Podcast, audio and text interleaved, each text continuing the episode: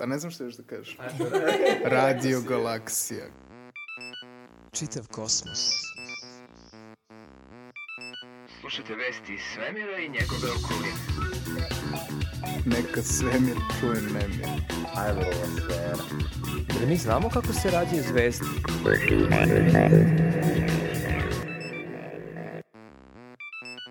Slušate naučni megafon. Naučne vesti Radio Galaksije.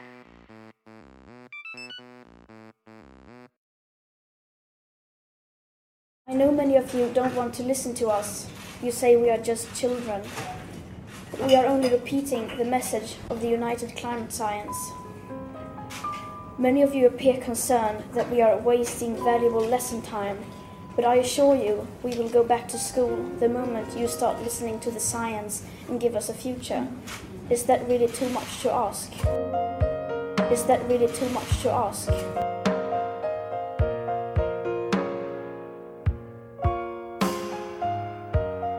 Is that really too much to ask? Is that really too much to ask? Ovo je 12. epizoda Naučnog megafona, a glas koji ste čuli pre mog je glas e, Grete Thunberg, devojke od 15 godina, šveđanke, jedna od onih koji su pokrenuli široki talas akcija koje se trenutno prosteru našom planetu. Više od milion ljudi širom zemlje ovih dana protestuje zahtevajući odlučnije akcije političkih struktura povodom opasnosti od nebrige povodom klimatskih promena na zemlji, pre svega globalnog zagrevanja. E, mi smo već nekoliko puta ovde u naučnom megafonu potencirali ovo pitanje, tako da mislimo da je došlo pravo vreme da ga sada potpuno otvorimo i ukažemo i vama, našim slušalcima, o istorijatu e, istraživanja klime na zemlji kao i o e, trenutnim naučnim istraživanjima koje se, e, koja se vrše povodom ove veoma važne teme. Ova 12. epizoda naučnog megafona biće stoga potpuno posvećena istraživanjima klimatskih promjena na zemlji. U prvom bloku ja ću vam ispričati jednu kratku istoriju u vezi sa klimatskim problemima, a, a zatim i šta se to aktualno dešava u istraživanjima vezanim za klimatske promene. Na primjer, moći ćete da čujete o tome šta podstiče velike klimatske kampanje i proteste e, širom sveta, zatim kako je slavni glumac i dobitnik Oscara Javier Bardem odlučio da se angažuje i spoji filmsku i naučnu ekipu u istraživanju Antarktika i e, premijera njegovog ostvarenja upravo se dešava u bioskopima širom sveta i ova vest će biti jedan od highlightova naše današnje emisije. A ni u ovoj kao i u prethodnoj epizodi naučnog megafona nećete moći da čujete Dušana koji se još uvek nije vratio sa komete Borisov jer, e, kako je rekao da vam poručim, umeđu vremenu je odlučio da skokne do jedne e, ekstrasolarne planete i da vidi šta se tamo dešava, pošto su naučnici reportirali o, otkriće vode na njoj. Tako da je obećao da u narodnoj epizodi dolazi sa vestima vezanim za dva veoma važna astronomska otkrića.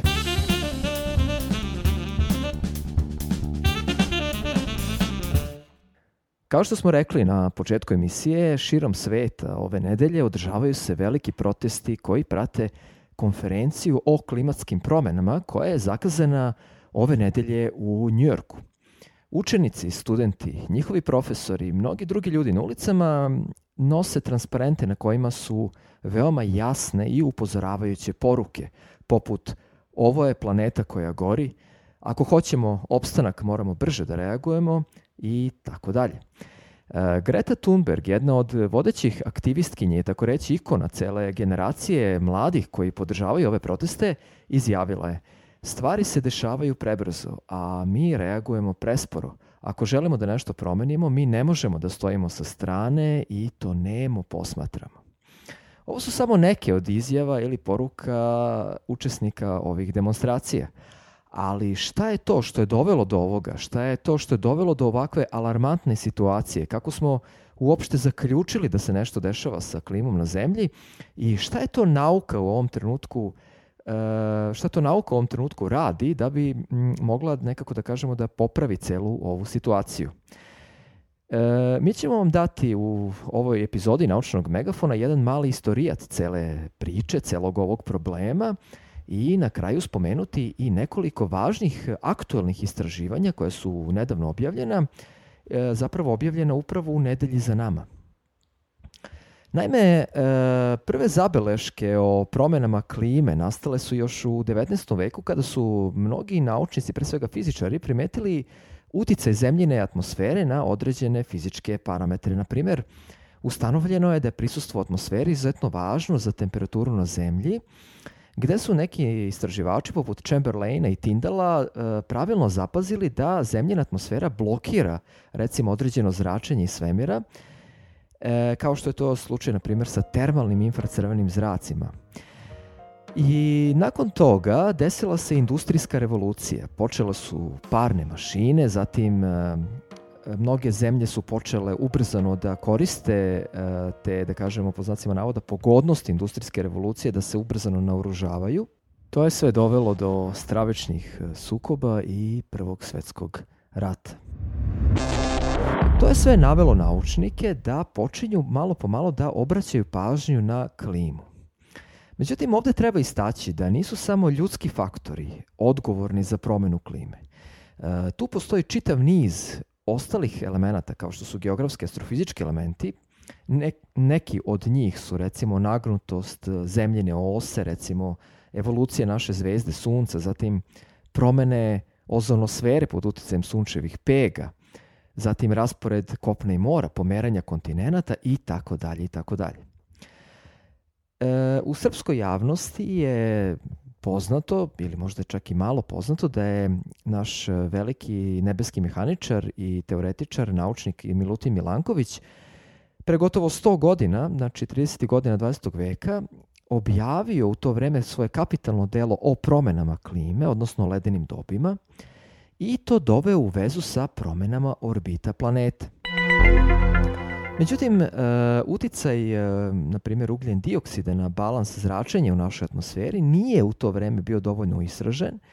Uh, zapravo nije bio dovoljno istražen sve do 50. godina 20. veka kada su nastali prvi fizički modeli zemljine atmosfere. Uh, prostim rečima rečeno, naučnici su tada počeli da porede kako bi se atmosfera naše zemlje ponašala sa i bez značajnijeg udela ugljen dioksida i ustanovili su da bi prekomerna količina gasova poput e, ugljen dioksida mogla drastično da poveća globalnu temperaturu naše planete.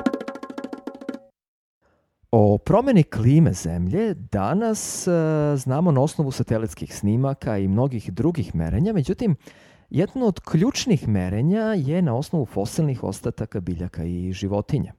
U zavisnosti od klime, kod savremenog biljnog i životinskog sveta, izražena je takozvana horizontalna i vertikalna zonalnost. Neke vrste su posebno osetljive na klimu i mogu opstati samo u određenim klimatskim uslovima. Na karakter klime mogu ukazati i različiti oblici reljefa, recimo lednički valovi, moranski bedemi, ostrovski bregovi, kupasti krš i tako dalje. Možda još ovde bih mogao i da dodam e, da neki veliki univerziteti poput Kolumbije imaju ekspedicije na velikim brodovima koji plove okeanima i koji nose sa sobom specijalne cevi koje imaju za zadatak da sakupljaju te fosilne ostatke iz vode i to su zapravo najvredniji zapisi promena uslova života na zemlji koji nam omogućavaju da prodremo u milionima godina uh, u prošlost klimatskih promena. Razvoj tehnologije u 20. veku pomogao je da je prva vrsta opomene šta bi to moglo da se desi došla pomalo neočekivano od astronoma koji su ne na našoj planeti, već na planeti Veneri, krajem 50. godina prošlog veka zapazili takozvani greenhouse efekat, odnosno efekat staklene bašte. To je zapravo podizanje temperature Venerine atmosfere mnogo, mnogo iznad tačke ključanja vode uslovljeno zapravo gasovima koji su na toj planeti prisutni. Sva ova nova saznanja rezultirala su i prvom sastanku o globalnim klimatskim promenama koji se davne 1965. godine dogodio u Boulder, Koloradu, u Sjedinim američkim državama. Nedugo zatim, geofizičari upozoravaju da bi ledene sante Antarktika mogle da budu oštećene i istopljene, ukoliko bi se trend podizanja temperature na zemlji nastavio. Danas je postignut jedan globalni konsenzus oko najvažnijih faktora koji nedvosmisleno ukazuju na podizanje prosječne temperature na zemlji tokom posljednjih 100 godina. To su od početka industrijske revolucije e, izmeren neprekidan stabilan rast koncentracije ugljen dioksida koji je u potpunoj korelaciji, odnosno vezi, sa rastom globalne temperature na našoj planeti. Druga stvar je pitanje odakle toliko ugljen dioksida. I jedini logičan odgovor do koga su naučnici i stručna javnost došli jeste da je u pitanju sagorevanje fosilnih goriva. Dakle, prosječna temperatura na zemlji se u posljednjih 100 godina povećala skoro za čitav stepen Celzijusa, a nivo mora i okeana je također porastao, dok je led na polovima počeo ubrzano da se topi. Dakle, postalo je evidentno da čovek postaje samom sebi problem. Međutim, paradoksalno zvuči, ali iako su naučnici godinama upozoravali stručnu i političku javnost, tek je 1995. godine Komitet Ujedinjenih nacija oformio jednu specijalnu ekipu koja je uspela da napravi kakav takav e, sporazum koji bi naterao države da zajedno učestvuju u kampanjama za smanjenje ovog efekta globalnog zagrevanja. I to se desilo u Kyoto u Japanu. Nažalost, e, neki sistemski rezultati nakon ovog e, prvog samita o globalnim klimatskim promjenama koji se pre 24 godine održao u Japanu izostali su. I to je osnovni razlog zbog čega aktivisti širom sveta traže mnogo konkretnije i brže i aktivnije akcije od državnika. Mnogi od e, vas mogu da se pitaju sada šta se to zapravo desilo i zbog čega su državi političari potpisali mnogo toga, a malo toga je realizovano u praksi. Također dešavalo se da neke države u datom momentu čak nisu ni žele da potpišu taj prvi protokolarni dokument um, u Kyoto 1995. godine jedna od tih uh, vrlo uticajnih država koje su to vreme odbile da potpišu taj memorandum su bile i Sjedine američke države.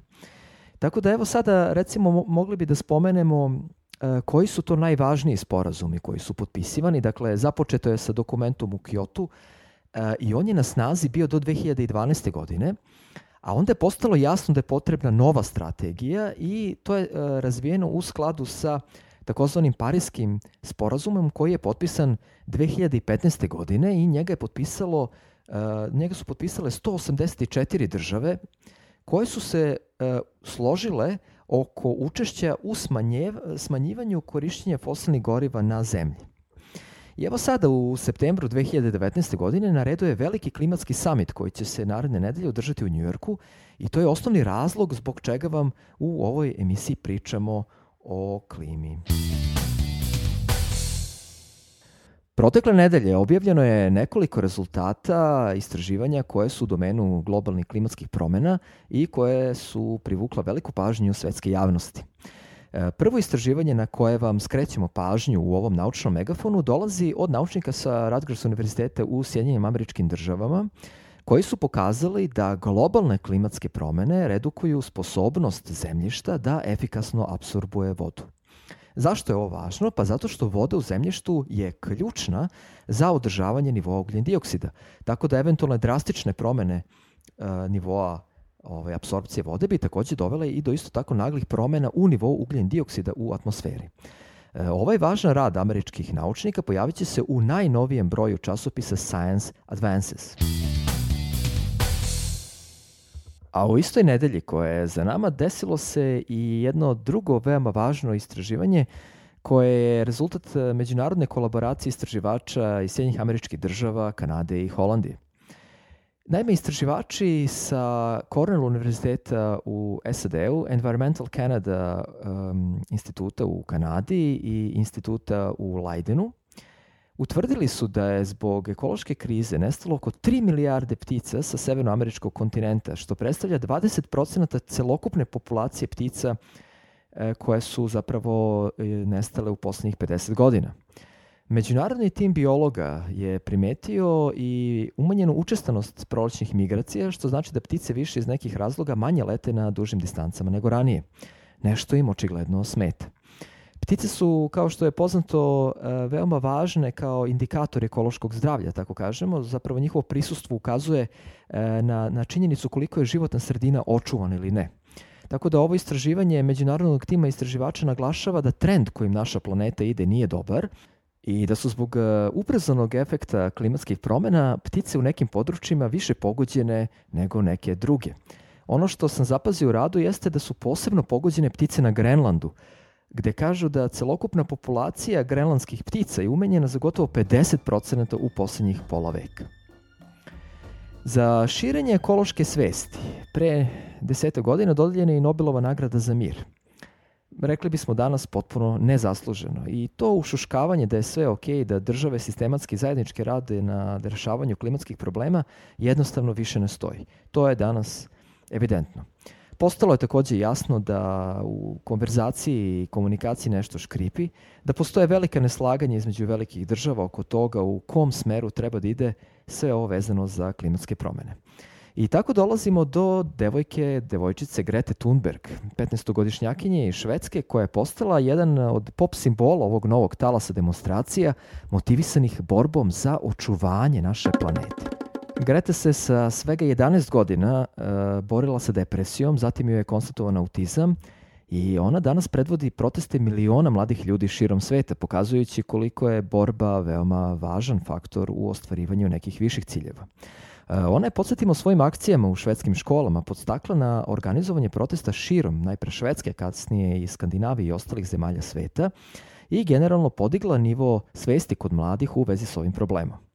Za one koji možda ne znaju, Greta je u avgustu mesecu ove godine preko nekih velikih sponzora dobila priliku da iz Evrope u New York plovi brodom, jer je odbila da koristi avion ili veliki kruzer kako bi ukazala na značaj redukcije izduvnih gasova. Iako su mnogi u tom njenom postupku videli samo promociju i marketinški trik, pre bih rekao da ljudi često postaju zavidni bez razloga i da ne vide važnost da se sve ovo proprati medijski. Ali nije samo Greta Thunberg ona koja organizuje velike masovne proteste u nekim državama. Ovih dana to se dešava bukvalno svuda. Na polinezijskim ostrovima, recimo na Solomonovim ostrovima, zatim Tonga, Vanuatu, ljudi protestuju zbog nebrige o podizanju nivoa vode u okeanima, što tako reći ugrožava njihovo mesto za život. Dalje, oko milion ljudi je protestovalo u Parizu, Londonu, Minhenu, Rimu. Na glavnom trgu u Veneciji pre nekoliko dana su takođe bili organizovani protesti, a u Australiji je gotovo 350.000 ljudi bilo na ulicama, posebno motivisanih borbom za Great Barrier Reef, kojem preti katastrofa. Naravno, Veliki protesti održavaju se i u Brazilu, jer još od početka leta, kada su počeli veliki požari u Amazoniji, lokalno domorodačko stanovništvo vodi veliku borbu sa brazilskom administracijom. Svi traže brzo rešavanje problema, pa ipak u kom smeru će rešavanje problema ići? Na ovo pitanje deluje da mnogi nemaju spreman odgovor. Da li će države i njihovi reprezenti, političari, slušati struku, odnosno naučnike, ili smo još uvek nedovoljno vešti u komuniciranju oko ovako važnih pitanja? Jedan primer nam dolazi pomalo neočekivano iz sveta filma.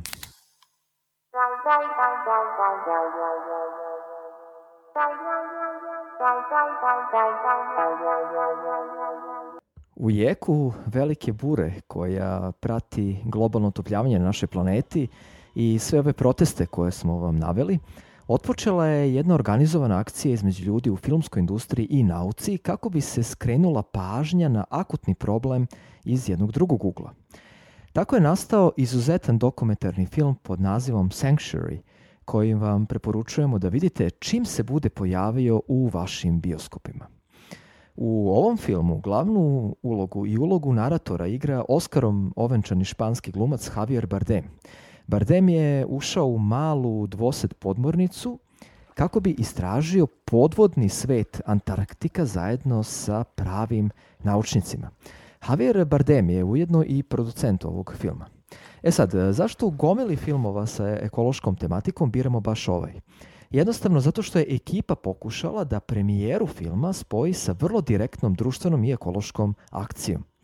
Uh, Javier Bardem je naime bio jedan od svedoka prave naučne ekspedicije koja je istraživala podvodni svet Antarktika sa zadatkom da obezbedi ključne statističke podatke o utjecaju klimatskih promjena na njegov e, podmorni svet. Ekipa ovog filma se zajedno sa istraživačima sa različitih institucija koji su sarađivali na projektu susretala i susreće još uvek sa velikim brojem diplomatskih zvaničnika kako bi insistirala na direktnim akcijama vezanim za ovaj problem. I evo što je Javier Bardem izjavio u e, jednom svom nedavnom obraćanju publici tokom premijere e, filma Sanctuary na velikom e, Toronto Film Festivalu TIFF. U životu čoveka postoje razne privilegije i ja sam jednu od njih imao kada su me u toj maloj podmornici spustili dole u vode Antarktika. Ali hej, ja koji nisam ni biolog, već samo običan glumac, rekao sam sebi da li si mogao i da zamisliš da u tom hladnom svetu sve vrvi od života – da u tom svetu ima toliko boja da se u dubinama susreću korali, sunđeri, meduze, sve te roze, naranđaste, zelene nijanse svetova predamno. Dakle, Javier Bardem zajedno sa istraživačima i ekipom snimatelja zaronio te hladne vode južnog zemljenog pola da bi u neku ruku bio svedok promena koje se neumitno dešavaju na planeti Zemlji, a prouzrokovano su kombinacijom mnogih faktora. Naučnici i filmska ekipa su sve prikupljene snimke kao i naučne podatke priložili specijalnoj komisiji u okviru Europske unije koja dalje ima za zadatak da obradi sve ove e, podatke kako bi napravila strategiju za zaštitu morskog sveta Antarktika. Kao što smo rekli, film je imao nedavno i veliku premijeru na Toronto Film Festivalu i tu se Javier Bardem obratio publici i objasnio detaljnije i veoma iskreno sve svoje impresije o delovanju čitave ove ekipe nakon što je film snimljen. Naime, ono što smo na početku ove emisije i priče o klimatskim promjenama i rekli, sada treba i opet ponoviti, nekako podvući, ali iz ugla samog Bardema. E, filmska ekipa, kao i naučni eksperti iz raznih oblasti, mahom klimatolozi, okeanografi, marinski biolozi, putovali su po celom svetu prethodnih meseci kako bi izlagali svoje opažanja i dokaze drugim kolegama i javnosti. Vrhunac tog e, aktivizma je trebalo da bude obraćanje Javiera Bardema kao i nekoliko velikih naučnih eksperata iz ove oblasti u sedištu Ujedinjenih nacija. Međutim, tu se upravo i e, desilo najveće Bardemovo razočaranje koje on podelio sa publikom. Bardem se naime u sedištu Ujedinjenih nacija obratio mnogobrojnim političarima, i posle tog govora on nije mogao da sakrije razočaranje mlakim reakcijama e, državnika i predstavnika različitih zemalja koji su tada tu bili prisutni i pogotovo je bio razočaran sa njihovom nespremnošću da saslušaju naučnike, odnosno eksperte, da podele sa njima e, eventualno viziju rešenja problema e, vezano za klimatske promene. Posle svega Bardem se zapitao, mi smo ti koji biramo birokrate i političare I mi smo ti koji žele da delegiraju ljude koji će kasnije morati da saslušaju one koji su stručniji od sebe, da razmisle kako da to znanje i podatke iskoriste. Međutim, e, ti političari u ovom slučaju su potpuno nespremni da oslušnu govor naučnika eksperata i oni jednostavno nisu sposobni za tako nešto. Oni veoma često ne razumeju problem, iako su, da kažemo, plaćeni da ga razumeju i to je jednako tužno kao i činjenica da se temperatura na zemlji podiže i kako je Bardem rekao i da zbog toga nestaju mnoge biljne i životinske vrste, ali oni toga nisu svesni. E, kao što može da se vidi iz ove Bardemove e, prilično revoltirane reakcije, postoji još uvek veliki gap između struke i političkih struktura. Prioriteti su postavljeni često naopako i čini se da se slabo radi na promociji ovih globalnih problema. Rezultati pokazuju neke veoma zabrinjavajuće trendove, da čak i u zemljama koje imaju e, veoma dobar e, ekonomski rast shodno podneblju, poput Gane ili Nigerije, e, takođe Sjednjih američkih država, između 30 i 40 procenata ljudi izjavilo da nikad ili nije čulo za globalne klimatske promene, ili da veliki broj tih ljudi, recimo pogotovo kažem u Sjednjim američkim državama, ne veruje da je odgovornost za te klimatske promene ljudima. Takođe, mnogi industrijski razvijene države su nedavno i direktno optuživale jedne drugo o kršenju sporazuma, kako onog u Kyoto, tako i e, Parizu. I to se pre svega odnosilo na Kinu, za koje su mnoge e, razvijene zemlje, poput Francuske, e, govorile da su potpisale sporazum u Parizu, ali da se ni u čemu tog sporazuma ne dalje nisu pridržavale.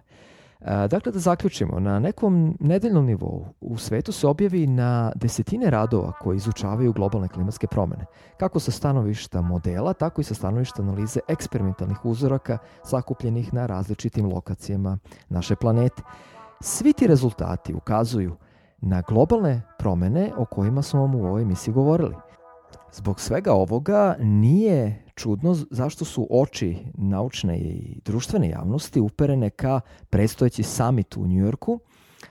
E, prvog dana ovog samita e, poslanicima će se obratiti gospodin Gutjereš koji je generalni sekretar Ujedinjenih nacija, a zatim će kroz razne programe e, biti i obraćanja premijera i premijerki ili predsjednika e, i predsjednica nekih vodećih e, zemalja poput Novog Zelanda, Nemačke i Francuske, dok će narednih dana takođe govoriti političari iz većine država sa svih e, kontinenta. Nažalost, neće biti učešća ni jednog političara e, države Srbije. E, Pitanje koje možemo da postavimo je da li se na ovakvim sastancima nešto zaista veliko može i rešiti i usvojiti. Nakon svega ovog što smo ispričali i iskustva koji su kako naučnici, tako eto i Javier Bardem i njegova ekipa imali, pitanje je da li je summit samo nešto što eto mora da se odradi ili su se neke stvari tu zaista i promenile i e, državni predstavnici shvatili da je poslednji čas da političari sednu za sto, ali onako konstruktivno i usvoje nešto što bi bio plan akcije, a ne samo puko slovo na papiru. Reklo bi se i redakcija Radio Galaksije i emisije Naučni megafon veruje da će nešto od toga dati, morati da da konkretne rezultate. E, Pre svega očekujemo mnogo više razgovora jer je do sad ono što izostajalo zapravo bio razgovor. Izostajali su glasovi ljudi iz slabije razvijenih zemalja, pogotovo afričkih. E, takođe, velike političke sile polako shvataju da priroda ne može da isprati zahteve e, velikih ekonomija i obrnuto, tako da e, postoji mnogo indicija da bi u Njujorku mogla, ukoliko se sve kockice poklope, da, znači mogla da se desi jedna vrsta e, mini revolucije u, shvatanju ovog problema globalnih ovaj, klimatskih katastrofa i da bi u sklopu ove konferencije um, moglo da dođe do nekih konkretnih pomaka koji su izostajali u prethodnih, uh, prethodne dve decenije. Um, ono, evo da kažem, sa neke lične, ove, ličnog stanovišta, meni će biti tu jako zanimljiva dva panela. Jedan pod uh, nazivom um, Razvoj malih ostrava u vreme globalnog zagrevanja i drugi panel koji će se održati uh, drugog dana ovog samita u, u, u Njujorku na Manhattanu, koji će biti pod nazivom Ka svetu bez izduvnih gasova.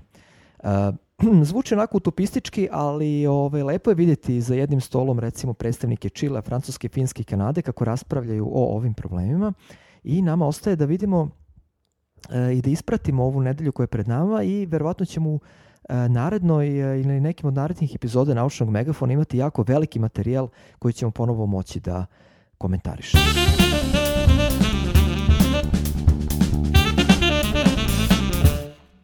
A za to vreme u Srbiji čini se da su ljudi manje okrenuti ovim e, globalnim protestima, više se okreću nekim lokalnim problemima i pokušavaju da dobiju bitke, tako reći, sami, bez e, velike podrške glavnih institucija.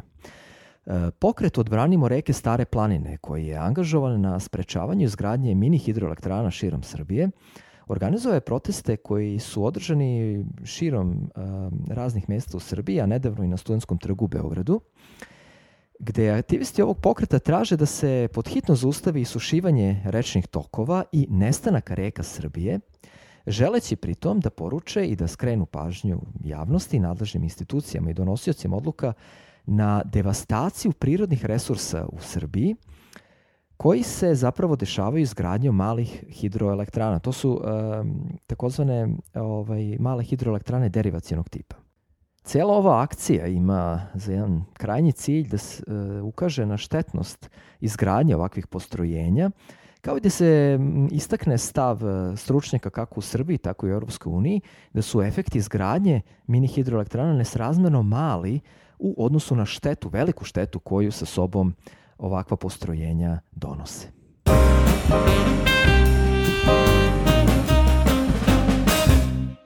I za kraj e, ove emisije, 12 epizode naučnog e, megafona, jedna najava, najava za jedno lepo dešavanje koje će se održati na teritoriji pa gotovo čitave Srbije i to ne samo Srbije, ali za vas koji ste u Srbiji. E, podatak da je sledećeg petka, 27. decembra, ubelažite u svoj kalendar, naučni kalendar, ovaj datum, e, je dan kada se održava Evropska noć istraživača. U Srbiji se e, ova manifestacija održava deseti put i ove godine se manifestaciji priključilo čak 29 gradova širom zemlje. Neki od njih su Beograd, Novi Sad, Pančevo, Kragujevac, Čačak, Niš, Svilajnac, Zrenjanin i tako dalje.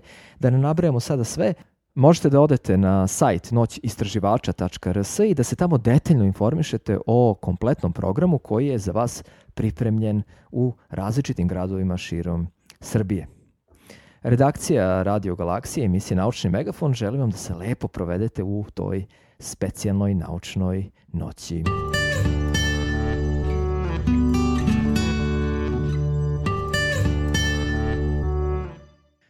Došli smo do kraja 12. epizode Naučnog megafona u kojoj smo pričali o velikim problemima vezanim za klimatske promene. Pratite šta će se sve dešavati na tom velikom samitu koji se od početka ove naredne nedelje održava u Njujorku. Pišite nam svoje impresije, predloge, pitanja. E, mi smo već sakupili nekoliko pitanja koje su nam e, pridošla u odnosu na našu prethodnu epizodu i obećavamo da ćemo vam na neka od njih odgovoriti već u narednoj e, emisiji Naučnog megafona. Takođe očekujemo i Dušana sa nekim eks ekskluzivnim um, vestima vezanim za kometu Borisov i ekstrasolarnu planetu. Do tada, doviđenja.